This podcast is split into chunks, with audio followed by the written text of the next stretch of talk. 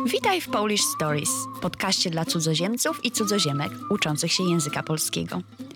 Jeśli kochasz książki, filmy, seriale telewizyjne i wszelkie opowieści, zapraszam. To miejsce jest właśnie dla Ciebie. Odcinek szósty. Dorota Masłowska. Cześć, jestem Gosia i w pierwszym sezonie Polish Stories opowiadam o znanych i lubianych pisarkach i pisarzach z XX i XXI wieku. W poprzednim odcinku opowiadałam o pisarzu i felietoniście Jerzym Pilchu, a dzisiaj kolejna powieść o pisarkę, autorkę tekstów, dramatopisarkę, autorkę bawiącą się słowem i stylem, niezależnie od tego, w jakim gatunku literackim tworzy. Nazywa się Dorota Masłowska, a sławę zdobyła nagle i niespodziewanie 20 lat temu jako bardzo młoda dziewczyna. Miała 19 lat, gdy w 2002 roku wydano jej debiutancką powieść Wojna polsko-ruska pod flagą biało-czerwoną, którą pisała w klasie maturalnej, czyli ostatniej klasie liceum, gdy mieszkała jeszcze w swym rodzinnym Wejherowie nad morzem. Skończyła ją pisać mniej więcej w tym samym czasie, kiedy zdała maturę. W tym samym roku powieść wydało alternatywne wydawnictwo Lampa i Iskra Boża. Zresztą do dzisiaj ta właśnie książka Masłowskiej jest największym sukcesem wydawniczym tej firmy. Wojna polsko-ruska pod flagą biało-czerwoną jest nazywana pierwszą powieścią dresiarską. Jej bohaterowie należą właśnie do subkultury dresiarzy. Trudno powiedzieć, czy jest to subkultura specyficznie polska. W Rosji na przykład podobną subkulturą są gopniki, a w Anglii chaps. I myślę, że takie grupy można znaleźć w wielu krajach na świecie. Kim więc są dresiarze? To subkultura młodzieżowa, która pojawiła się w latach 90. XX wieku. Ich nazwa pochodzi od często wybieranego przez nich stroju dresu. Ma też zabarwienie negatywne. Nawiązuje do stereotypu osób, zazwyczaj młodych mężczyzn, ubranych w dresy, mieszkających na blokowiskach dużych miast, zazwyczaj kiepsko wykształconych i skłonnych do bujek i przemocy. Debiutancka powieść Masłowskiej o dresiarzach zachwyciła zarówno publiczność, jak i krytyków. Nie tylko oryginalną tematyką i niespotykanymi dotąd w literaturze bohaterami, ale przede wszystkim językiem, odważnym, brawurowym stylem, szokującymi metaforami i wykorzystaniem młodzieżowego slangu.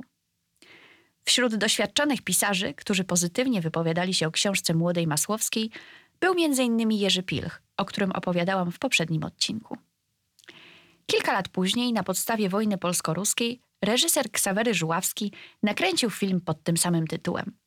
W rolach głównych bohaterów, Silnego i Magdy, wystąpili popularni aktorzy Borys Szyc i Roma Gąsiorowska.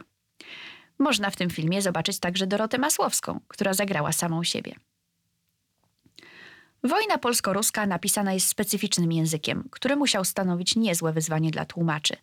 Jednak można ją przeczytać w kilku innych językach – angielskim, francuskim, włoskim, niemieckim, czeskim, węgierskim, holenderskim, rosyjskim, hiszpańskim i słowackim.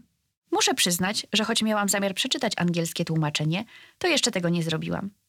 Książkę przełożył na angielski amerykański poeta i specjalista od języków słowiańskich Benjamin Palow, a anglojęzyczni recenzenci porównywali wojnę polsko-ruską do Trainspotting. Bardzo jestem ciekawa, jak ta nasza polska postkomunistyczna subkultura wygląda w perspektywie innego języka. Masłowska jest autorką jeszcze dwóch powieści. Pawia Królowej, za którą to książkę w 2006 roku otrzymała literacką nagrodę Nike i Kochanie, zabiłam nasze koty. Jest także felietonistką i autorką dwóch sztuk teatralnych.